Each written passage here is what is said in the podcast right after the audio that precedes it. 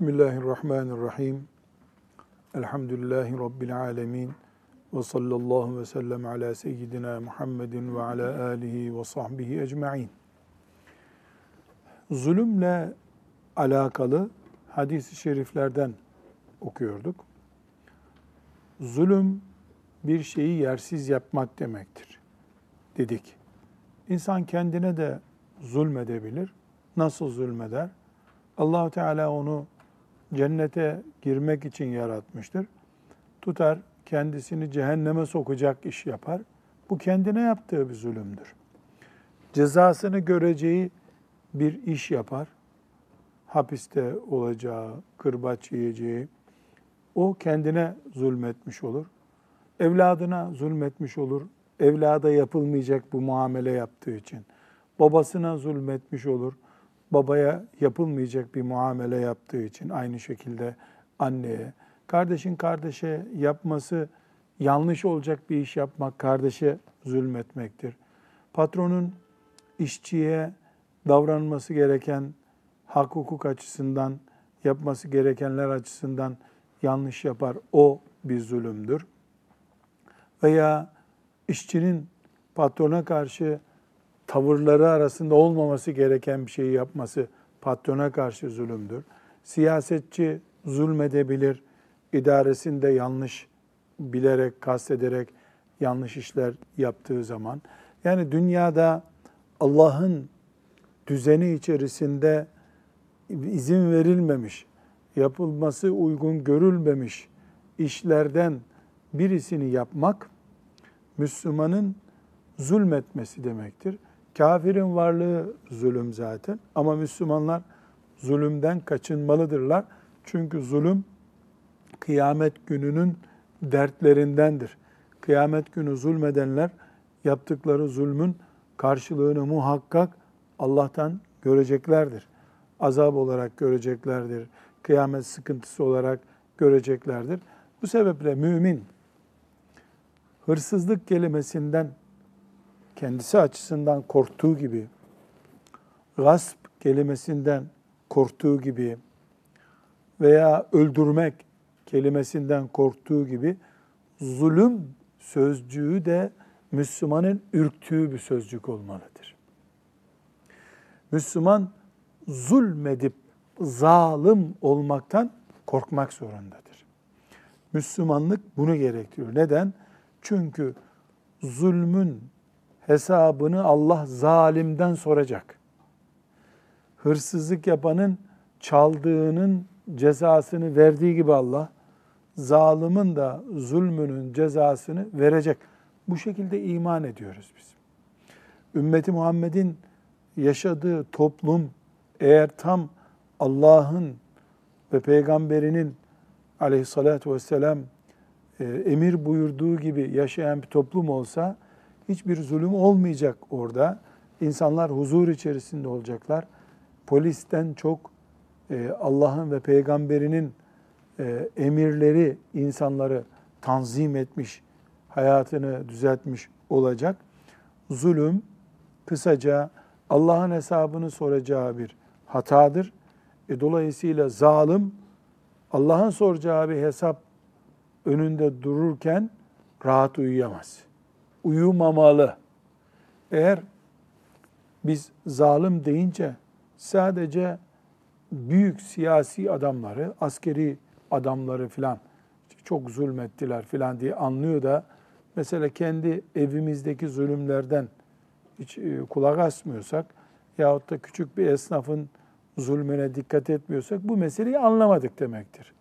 Ya da hoşumuza gidecek şekilde anlıyoruz demektir en tepedeki büyük siyasetçiden küçük bir mahalle muhtarına kadar, e, anne babadan okuldaki arkadaşa kadar herkesin birbirine karşı davranması gereken ekonomik, e, sözlü veya e, bedensel bir tavır vardır. Bu tavırlarda hakkaniyete dikkat edilecektir. Hakkaniyetin olmadığı yerde, hak, haksız bir işlem yapıldığı yerde zulüm vardır. Küçüğüyle büyüğüyle zulüm bütün ebatlarıyla Allah'ın hesabını soracağı bir şeydir. Bunun için Riyazu Salih'inde de zulümle ilgili bölüm konmuştur. Çünkü bununla ilgili ayetler var. Bununla ilgili hadis-i şerifler var. Müslümanlık zulmün olmadığı yerde yaşanabilir. Zulüm sadece Übey ibn Halef, Ebu Cehil ve benzeri kafirlerin Bilal-i Habeşi'ye yaptıkları işkencenin adı değildir. O kafirin Müslümana yaptığı bir zulümdür. Müslüman kendine ve en yakınlarına zulmetmeye yeltenebilir ama bu onun e, Allah'tan korkmasını gereken bir iş olur. Hemen helallik diler. Ahirete intikal etmeden dünyadayken zulümle ilgili dosyalarımızı kapatmamız gerekir. Şimdi buradan hadisi şerifler okuyalım. 206. hadisi şerifteyiz. Efendimiz sallallahu aleyhi ve sellem bu hadisi şerifinde e, bize zulmün sonucunu öğretiyor. Kul hakkı diyebiliriz buna. Yanlış iş yapmak diyebiliriz, zulüm diyebiliriz ama kıyamet gününde Allahü Teala kimseye yaptığını kar bırakmayacak. Dünyadan ahirete taşındıysa o dosya. Dünyadan ahirete nasıl taşınmaz? E, sahibiyle helalleşilir. Mesela bahçesinin sınırlarıyla oynamıştın. Apartmanda e, camını kırmıştın. Helalleşilir. Dünyada helalleşilirse sorun yok. Dünyadan ahirete taşınırsa ahirette Allah herkese hakkının verilmesini murad ediyor. Bu kıyamet açısından büyük bir sıkıntı. Hadis-i şerifi dinleyelim. Bismillahirrahmanirrahim An Ebi Hureyre radıyallahu anhu enne Resulallah sallallahu aleyhi ve selleme kâle لَتُؤَدَّنَّ الْحُقُوقُ إِلَى أَهْلِهَا يَوْمَ الْقِيَامَةِ حَتَّى يُقَادَ لِلشَّاتِ الْجَلْحَاءِ مِنَ الشَّاتِ الْقَرْنَاءِ Ravahu Muslim. Ebu Hureyre radıyallahu anh'ten rivayet edildiğine göre Resulullah sallallahu aleyhi ve sellem şöyle buyurdu. Kıyamet gününde haklar sahiplerine mutlaka verilecektir.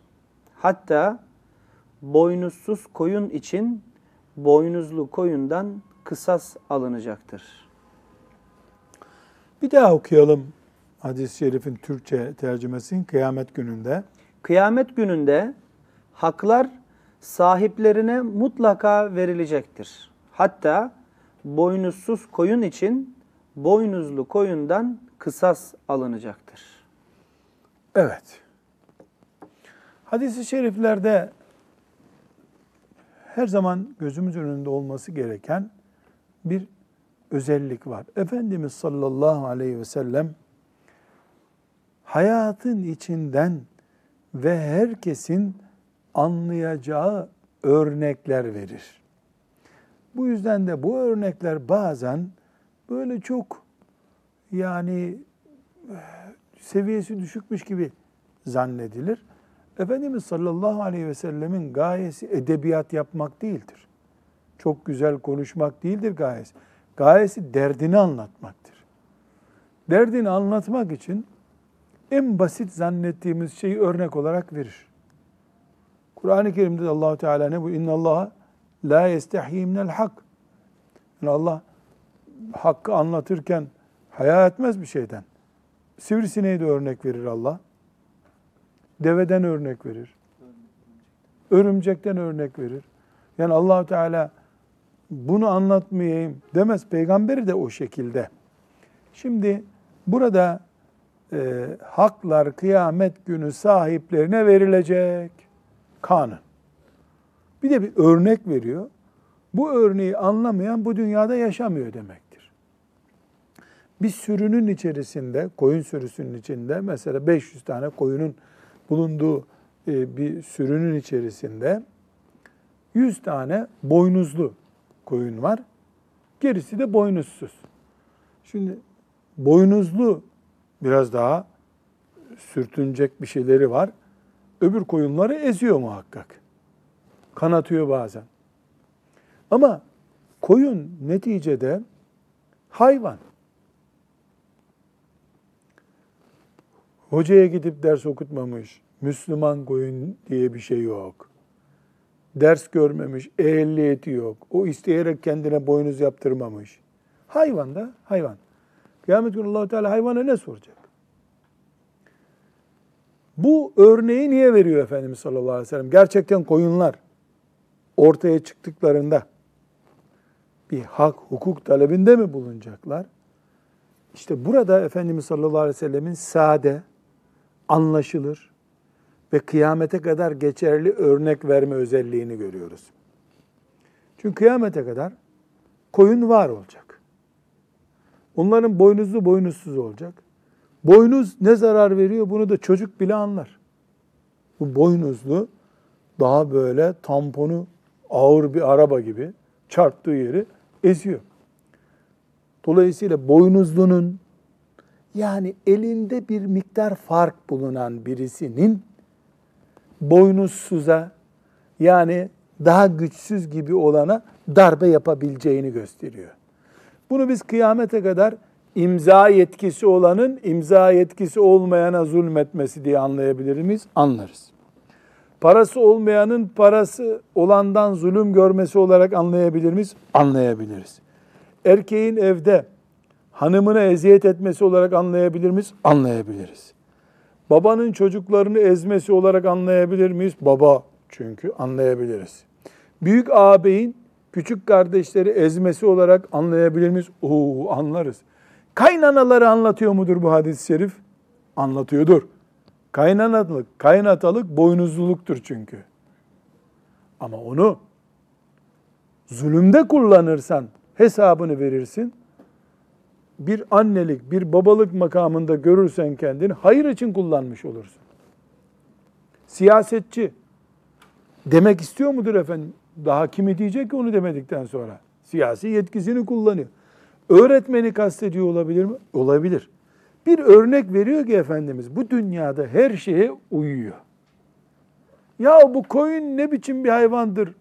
Boynuz ne demek diyen bir insan var mı bu dünyada? Olur. Uzayda yaşamıştır. Uzay mekiğinde doğmuş, büyümüştür. Dünyaya gelmiştir. Ya boynuz ne demek merak ediyordur. Ama bu dünyada yaşayan herkes, köfte yiyen, pirzola yiyen herkes bu ne demektir bunu anlıyordur. Çok net, anlaşılır, hiç anlaşılmaz yönü olmaz bir örnek verdi Efendimiz sallallahu aleyhi ve sellem. Kıyamet günü Allah boynuzlu koyunla boynuzsuz koyun arasında sürüde otlanırken ara sıra boynuzlu koyun böyle dürtüyor. Otların önünden çekil diye. Bu hayvanca bir şey, suç değil. Hayvanlar arasında mahkemelik olmayı gerektiren bir şey değil. Böyle bir hayvanlar kuralı diye bir kural da yok. Koçlar imza da atmıyorlar boynuzumuzda kimseye zarar vermeyeceğimize, zarar verirsek tazminatını ödeyeceğimize razıyız diye bir karar da yok ortada. Ne var? Ortada görüntüsü adil olmayan bir şey var. Boynuzu var diye boynuzsuzu eziyor. Bu kıyamet günü gündeme gelecek. Resulullah sallallahu aleyhi ve sellem bunu buyurdu. Öğretmen kendine ders çıkaracak. Siyasetçi kendine ders çıkaracak. Kaynana kaynata kendisine ders çıkaracak. Gelin, yeni gelinsin. Sen de boynuzluluk yapabilirsin. Gelin de yapabilir boynuz. Talebe de boynuzluluk yapabilir. Kanun çıkmıştır. Öğrenciye vuran öğretmen işte linç edilecektir toplumda diye. Bu sefer dünya ters döner. Öğrenciler toplanıp bu öğretmeni döverler. Çocuklar niye vuruyorsunuz dese bu sefer mahkemelik olur. Çocuklara hakaret etti diye. Böyle bir dünya da kuruldu mu? Gözümüzün önünde kuruldu hem de. Dünya ters döndü. İşte bütün bunlarda bir örnek verdi sallallahu aleyhi ve sellem Efendimiz. Nedir o örneği? Zulmeden zulmünün bedelini ödeyecek kıyamet günü. Koyunlar aslında mükellef olmadıkları halde kıyamet günü gelecekler. Boynuz fazlalığı var. Tabi buradan asas derdi ahirette Allah'ın azabından kurtulmak değil de din felsefesi yapıp edebiyatla meşgul olanlar e ya koyunların kabahatine kıyamet günü onlar diriltiliyor masrafına değer mi diriltilmelerine filan gibi edebiyat yapabilir. Bizim derdimiz bu değil tabi. Derdimiz Resulullah sallallahu aleyhi ve sellem burada koyunlara hitap etmiyor. O koyunların peygamberi değil. Benim peygamberim bana anlatıyor sallallahu aleyhi ve sellem Efendimiz. Ben kendime bundan ders çıkarmam lazımken yok koyunlar niye dirilecek? Acaba öküzler de buna dahil mi? Mesela koyunun boynuzlusu vardı. Öküzün de boyun. Mandalar mesela dirilecekler mi? Bu gereksiz şeylerle meşgul olmak da bir zulüm. Kendine yaptığın bir zulüm bu. Niye? Asıl düşünüp de tedbir alman gereken şeyi bırakmışsın. Kıyamet gününe kadar karşına çıkmayacak şeyi dert etmişsin kendine. Kıyamet günü de onun hesabı senden sorulmayacak. Yani koyunlar yaratılırken sana yardım et mi diyecekler kıyamet günü de. Şimdiden iş çıktı bize diye üzülüyorsun. Şeytanın tuzağı bu. İlgili olduğumuz bölümle bu koyundan hesap soracaksa Allah, imza yetkisini yanlış kullanandan hesap sormayacak mı? Kaynatalığını yanlış yapandan hesap sormayacak mı? Çocuğuna eziyet edenden hesap sormayacak mı? Belediye zabıtasından hesap sormayacak mı? Başkandan hesap sormayacak mı? Herkesten hesap soracak demek. Koyundan sorulur da insandan sorulmaz mı diye düşünüyoruz. Şimdi bu hadis-i şerifi Ebu Hureyre'den bir daha dinleyelim Hafız Salih Efendi. Ebu Hureyre radıyallahu anh'ten rivayet edildiğine göre Resulullah sallallahu, Sallallahu aleyhi ve sellem şöyle buyurdu.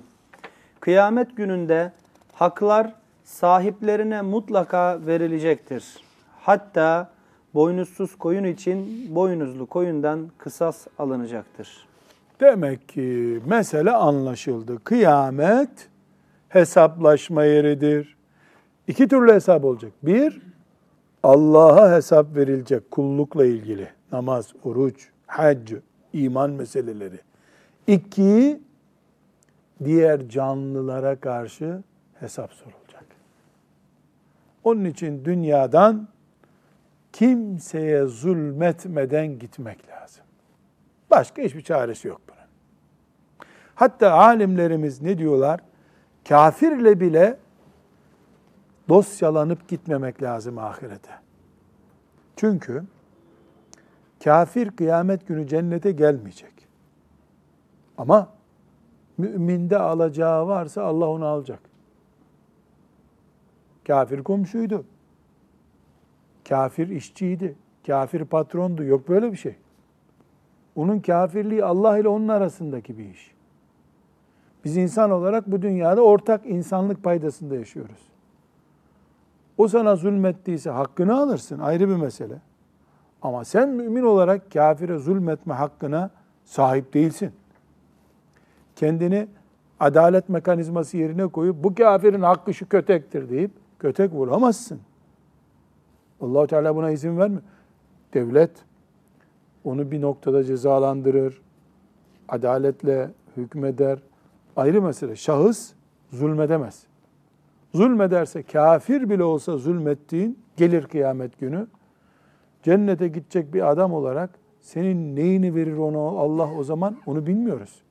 Nasıl hesaplaşılacak kafirle bilmiyoruz. Ama bir hesap olacak kafirle de. Neuzubillah. Şimdi iki mümin tartışsalar aldın sevap, verdin sevap neyse. Kafirle uğraşmak dert kıyamet günü. Neyini alacaksın kafirin? Ne verebilirsin kafire? Yani geçerli bir para sistemi de yok kafirle. Müminle müminin var değil mi? Ne olacak? Hasenatımız, sevaplarımızdan ona gidecek. Verilecek sevabın yoksa onun günahlarından sana gelecek. Artık bir küfür, bir tokat kaç vakit namaza denk geliyor Allah biliyor. Onun için Efendimiz sallallahu aleyhi ve sellem ne buyuruyordu? İflasa dikkat edin diyor. İflas, iflas.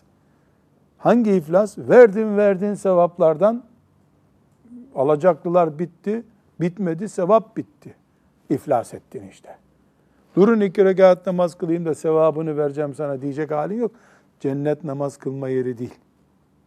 Onun için kıyamet günü kafirle de olsa hatta ve hatta hayvanla bile olsa ahirete hakla gitmemek lazım. Hayvanlarla bile. Çünkü onların da bir hakkı olacak. Bir kedi yüzünden cehenneme giren Yahudi kadını yok mu? Bu 206. hadisi şerif görüyoruz bir satır ama Allahu Teala'nın adalet ismini bize yansıtıyor. Muhakkak haklar alınacak. Bu Allah'ın adaleti gereğidir. Bu adaletinden dolayı şöyle buyurmuyor Allahu Teala. Sen müminsin, o da kafir. Bırak mendebur herifi. Zaten cehenneme girecek. Ne yapacak hakkı hukuku? Buyurmuyor. Sen babaydın zaten. Bir sürü kışın kar altında soğukta çalışmıştın. Bunun karnını doyurmuştun. Sildim gitti borçlarını. Bunu hükümetler yapar seçim zamanlarında. Allahu Teala yapmaz. Nuh Aleyhisselam zamanından kaç bin, on bin sene geçti belki. O zamanki küçük bir çocuğun hakkı hala Allah'ın dosyalarında bekliyor. Allah adaleti gereği kulları arasındaki kavgalara karışmıyor. Zapt ediyor. Meleklerine tutturuyor bunu. Melekleri defterlere yazıyor. Kıyamet günü tek tek hesabı sorulacak bunların. Bu kural insanlar için ve cinler için geçerlidir. Çünkü mahlukat içerisinde kıyamet günü hesap verecek olan insanlar ve cinlerdir. Melekler ve diğer hayvanlar, diğer mahlukat hesap yerine gelmeyecekler kıyamet günü. Gelirse de başka bir iş için gelecekler. Peki bu hadisi şeriften e, bir anlam çıkıyor. Kıyamet günü demek ki e, dört ayaklı hayvanlar, böcekler de mi yaratılacaklar? Evet. Onlar esasen toprak olup gidecekler. Dünya yıkıldığı zaman ama kulların gözü önünde Allah'ın adaleti yüzde yüz tecelli edecek. Yüzde yüz cennete adaletle girildi. Yüzde yüz adaletle cehenneme girildiğini kulları görsün diye sorunlu olan hayvanlar da yaratılacak. Mesela işte inek besleyen bir rençber besici bir insan ineklere zulmettiyse o zulüm gören inek yaratılacak. İnsan gibi Ahmet, Mehmet, Ayşe, Fatıma gibi gelecek dikilecek, hakkını talep edecek. Kıyamet öyle bir yer. Hayvanlar kendi aralarında bir kısas gerçekleşecek mi? Gerçekleşecek. Hayvanların diriltilmesinin bir başka sorunlu bölümü var. Bunu not edelim. Riyazu Salih'in hadisi okurken Rabbimiz bunu da öğrenmemizi istemişti. Dedik ki hayvanlar umumen toprak olup gidecekler. Ama hayvanların diriltilme sebeplerinden birisi hayvanlardan şahit durumunda olanlar şehadet etmesi için dirilecek. Çoban mesela hırsızlık yapıyordu. Koyunlardan birini kesti. Sonra da kurt kaptı onu dedi. Ayı ısırdı götürdü dedi. 300 tane de koyun onu orada görmediler mi arkadaşlarını kesiyordu. Kıyamet günü o 300 koyun bu kesmişti bizim arkadaşımızı diye şahitlik edecekler. Hayvanların diriltilme nedenlerinden biri de bu. Şahitlik edecekler insanların lehine veya aleyhine. Atının üstünde adam kurşunlandı. Kimse görmedi. Nasıl kimse görmedi? At gördü. At dünyada konuşturulamıyor. Notere getiremiyorsun. Mahkemeye getiremiyorsun. Getirsen deli derler adama zaten. Atla mı konuşacağız biz? Ama atın çok rahat konuşup böyle avukat gibi dil dil kesileceği zaman olacak kıyamet günü. Hayvanlar bunun için de dirilecekler. Bir de kendisini hayvanlara zulmeden insanlardan haklarını almak için de diriltilecekler. Peki e, ineklere zulmetti adam. Zulmün karşılığını hak olarak aldı. İnek sonra toprak olacak. Ne yapacak o hakkı? Diyelim ki hani iyi anlaşılır. İneğin derdi nedir? Sılaj yemek değil mi? Şu mısırdan yem yapıyorlar. Onu görünce hayvan deliriyor böyle. Kıyamet günü hak olarak bir balya ot veya salaj verildi hayvana diyelim. E toprak olacak sonra onu yiyecek vakti de yok hayvanın. Allahu Teala'nın adaletinin tecelli etmesi hayvanlar üzerinde bile olsa bütün şu kainattaki ineklerin varlığı ve yokluğundan daha değerli bir konudur.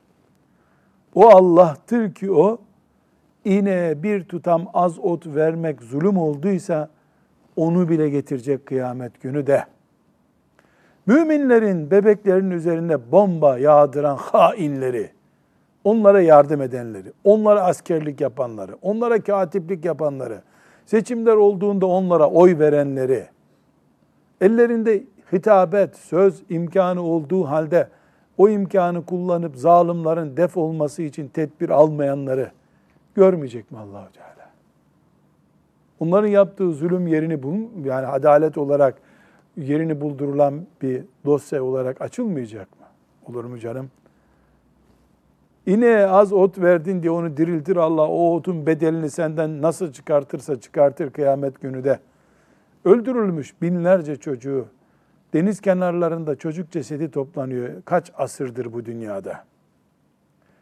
Sırf bir Yahudi 20 tane mermi fazla satsın diye iki ülke 10 sene savaşıyor bu dünyada.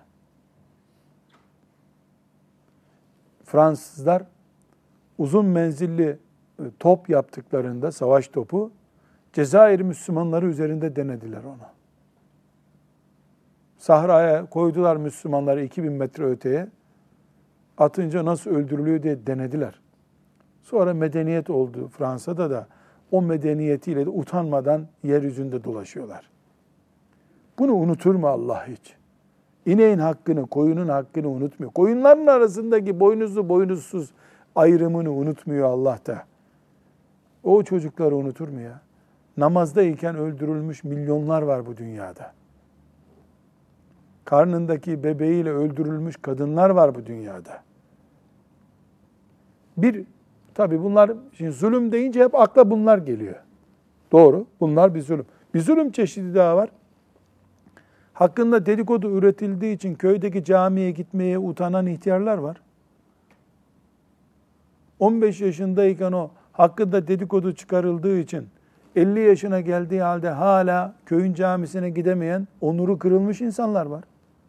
İftira edilmiş, bühtan takılmış. Bunların onurları beş para edilmiş. O çocuk belki bombayla öldürülse o an beş dakika acı çekecekti. Sonra cennetine uçup gidecekti Allah'ın. Yani ne haklar görülecek kıyamet günü. Mümin ahiret deyince hep aklına namaz kılmazsam cehenneme girerim geliyor. İse bu da bir nimet gerçi ama ya namazın af ihtimali var. Allah Teala dilerse affeder onları. Ama bu kul haklarını hiçbir şekilde affetmeyeceğine sözü var Allah'ın. Af yok. Kul hakkında af yok. Zulme af yok. Evet 206. hadisi şerif bize bunları hatırlattı. 207. hadisi şerifin tercümesini okuyalım. İbni Ömer radıyallahu anhuma şöyle dedi. Peygamber sallallahu aleyhi ve sellem aramızdayken veda haccından söz ediyorduk. Ama veda haccının ne olduğunu bilmiyorduk. Nihayet Resulullah sallallahu aleyhi ve sellem Allah'a hamd ve senada bulundu. Sonra da Deccal'den bahsederek onun hakkında uzunca bilgi verdi. Şunları söyledi. Allah Teala'nın gönderdiği her peygamber ümmetini Deccal konusunda uyarmıştır. Nuh ve ondan sonraki peygamberler ümmetlerini bu konuda uyarıp sakındırdılar. Şüphesiz ki o sizin aranızda çıkarsa onun durumu ve hali size gizli kalmaz. Rabbinizin tek gözü kör olmadığı size gizli kalan bilmediğiniz bir şey değildir. Deccal'in ise sağ gözü kör olup sanki salkımından dışarı fırlamış yaş bir üzüm tanesi gibidir. Uyanık olunuz. Allah Teala birbirinizin kanlarını ve mallarını şu ayınızda bugününüzü haram kıldığı gibi birbirinize haram kılmıştır. Dikkat ediniz. Sizlere tebliğ ettim mi? Ashab-ı kiram evet tebliğ ettin dediler. Peygamberimiz Allah'ım şahit ol diye üç defa tekrarladı. Sonra da size yazık olur. Bakınız sakın benden sonra birbirinizin boynunu vurup da küffara dönmeyiniz buyurdular. Sallallahu aleyhi ve sellem. Evet. Bu hadisi şerif Abdullah İbni Ömer'in rivayet ettiği bu hadis-i şerif uzunca gibi duruyor da e, çok da uzun değil, çok net birkaç başlığı ihtiva ediyor. Birincisi, ta Nuh Aleyhisselam'dan beri peygamberler insanoğlu cinsinden gelecek adına Deccal denen bir büyük zalimden söz ediyor Efendimiz sallallahu aleyhi ve sellem. Bir deccal gerçeği var. Hatta deccal kendisini tanrı gibi gösterecek. Efendimiz sallallahu aleyhi ve sellem onun gözü üzüm salkımından fırlamış üzüm gibi dışarı çıkıktır. Sizin Rabbiniz öyle bir gözü kör biri değil. Yani inanmayın onun o e, görüntüsünün Tanrı değil o manasında. Bu deccal fitnesi ashab-ı kiramın acaba burada mı diye böyle hani çocukların öcü kelimesine takıldığı gibi deccal kelimesini ciddiye aldıklarını görüyoruz. Radıyallahu anhum. Bütün peygamberler bir deccal tehlikesine karşı ümmetlerini uyardılar. Bizim peygamberimiz sallallahu aleyhi ve sellem zaten uyardı. Deccal, ben meşhur deccalım, geldim, abonelerim toplansın diyecek hali yok. Size Kur'an'ınızın gerçek yönünü getirdim.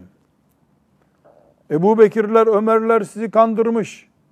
Hadislere, sünnetlere gerek yok. Ben orijinal Kur'an getirdim diye gelebilir. Deccal ambalajlı bir adamdır. Zalimlerin şahıdır ama ambalajlıdır. Başınıza bela olmak üzere geldim diyecek hali yok. Cennet getirdim size diyecek. İslam'ın gerçek şeklini getirdim diyecek.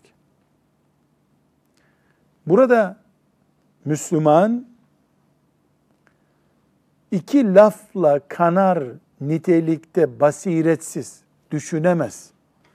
Mümin kardeşlerinin istişaresine önem vermez. Kendi kafasına takılır yaşar bir adam olursa Deccal'ın fitnesine düşersin. La kadderallah imanını alır götürür. Bunu uyardı Efendimiz sallallahu aleyhi ve sellem. Sonra da bak ben uyarıyorum yazık olacak size buyurdu. Ne için? Müslüman Müslümanı öldürür dikkat edin buyurdu.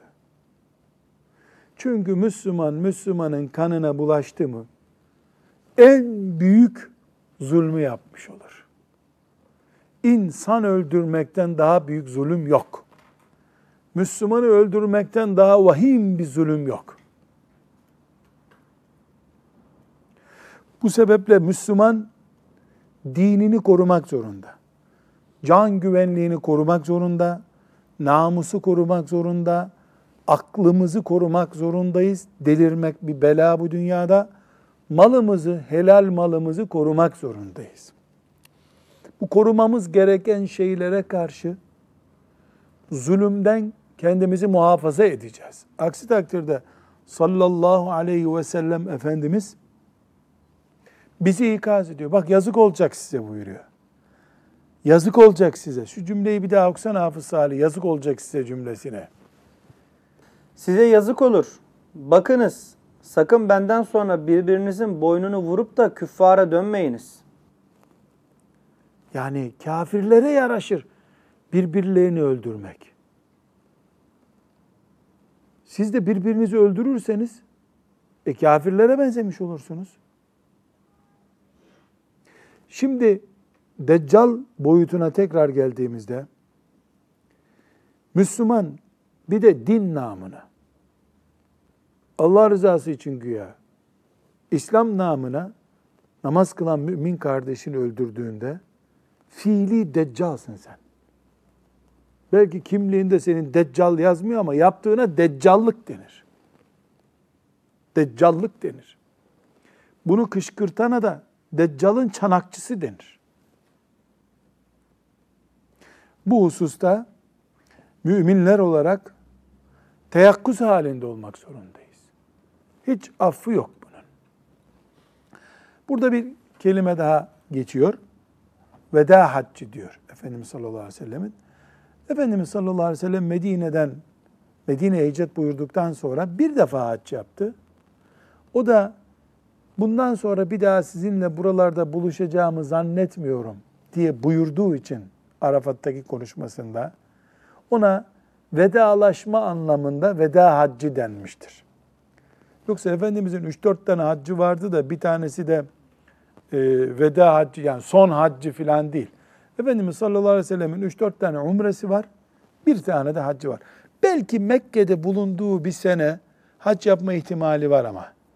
Yani şeye gidiyordu ya hac mevsiminde e, davet ediyordu kabile panayırlara gidiyor. O ihtimal efendim, alimler diyorlar ama bizim bildiğimiz şu İslam'ın beş şartından biri olan hac ibadetinin ayrıntıları veda haccıdır. Bize intikal eden odur. İhtimal Mekke dönemindeyken, hicret etmeden önce yani. Belki bir hac yapmıştır. Bilgi yok elimizde. Çünkü farz ibadet olarak hac ibadeti e, o Medine-i Münevvere'den ashabıyla 120 bin kişiyle gelip hac ettiği zamanki haçtır. Sallallahu aleyhi ve sellem. Bu veda haccı ashab-ı kiram için çok duygusal ve önemli bir gündü. Abdullah İbni Ömer de biz veda haccı ile ilgili bir hatıramıza Deccal'ı sıkıştırdı sallallahu aleyhi ve sellem diyor. Hepsini bir arada bulmuşken ashab-ı kiramın ve Müslüman öldürmenin tehlikesini anlattı onlara. Çünkü onun derdi Resulullah sallallahu aleyhi ve sellem Efendimizin bütün gayreti acil konuları anlatmaktı. Menkıbe anlatıp duracak yoktu haçta. Şimdi bakıyorsun mesela haçtaki e, en son konuşmasında faiz meselesi var. Mesela son konuşmasında namaz yok, oruç yok. Hatta haccı e, böyle ayrıntılarıyla anlatmak yok. Haccınızı bana bakıp yapın buyurdu. Ondan sonra son konuşmasında kadınlara aman Allah'ın emaneti ha dikkat edin buyurdu. Ya şu veda haccının özetini oturup da bir okusak var ya herhalde bu veda haccı 2015 yılında filan yazıldı zanneder insan. Billahil azim yani keramet diyeceğim, mucize diyeceğim.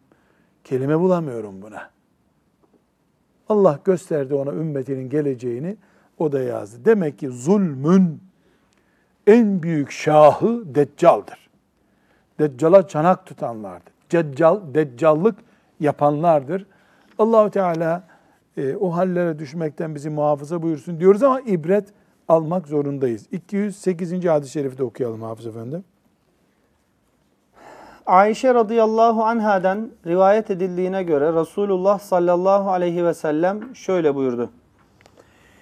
Kim bir karış miktarı bir yere haksız olarak zulümle sahip olursa o yerin yedi katı boynuna geçirilir.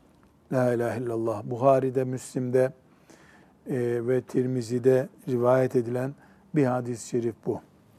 Şimdi e, emlak işleriyle uğraşanlar, köy arazisi diye bir konu bilenler bunu çok iyi anlarlar. 10 dönümlük bir yer. Yani 10 bin metrekare bir yer mesela. Genelde tarla ona deniyor. Ondan bir karış, bir karış ne kadar? 20-25 santim değil mi? 25 santim 10 bin metrede bir ağaç yaprağı. Yani adı şanı anılmaz bir şey. Hatta köylüler bunun için kavga etmeye değmez bile. Ee, ne diyorlar mesela? Sen de kazığını bir santim öteye dikersin. Yani bu değme, kazığı çıkarıp öbür tarafa çakmaya değmez bu. Ama o kadar bile bir zulüm yapan gasp yapan kıyamet günü o yerin yedi kat altı. Çünkü yeryüzünün de yedi katmanı olduğuna inanıyoruz Efendimiz sallallahu aleyhi ve sellem söylüyor. İşte aldığı 25 santim yer ama 7000 metre aşağı inecek toprak. O halka gibi boğazına geçirilecek kıyamet günü buyuruyor. Bu da bir misal herkes anlasın diye. Ama asas gayene ne demek istiyor sallallahu aleyhi ve sellem? Zulmün küçüğü olmaz. Bitti. Bunu söylüyor sana. Ve kıyamete büyük ağır bir bela olarak taşındığına göre toprak işgali kebair günahlardandır demek ki. Bunu anladık mı? Bu mübarek hadisi şerif biiznillahü teala hayatımıza yön verir. Zulmün küçüğü yok. Evet, bir mermiyle insanın hayatına son vermekte zulüm, kulağından tutup asılmakta zulüm. Ama birinin boyutu başka, öbürünün boyutu başka. Fakat ikisinin de hesabını Allah soracağına göre zulüm zulümdür diyoruz. Sallallahu aleyhi ve sellem ala seyyidina Muhammedin ve ala alihi ve sahbihi ecma'in. Velhamdülillahi Rabbil alemin.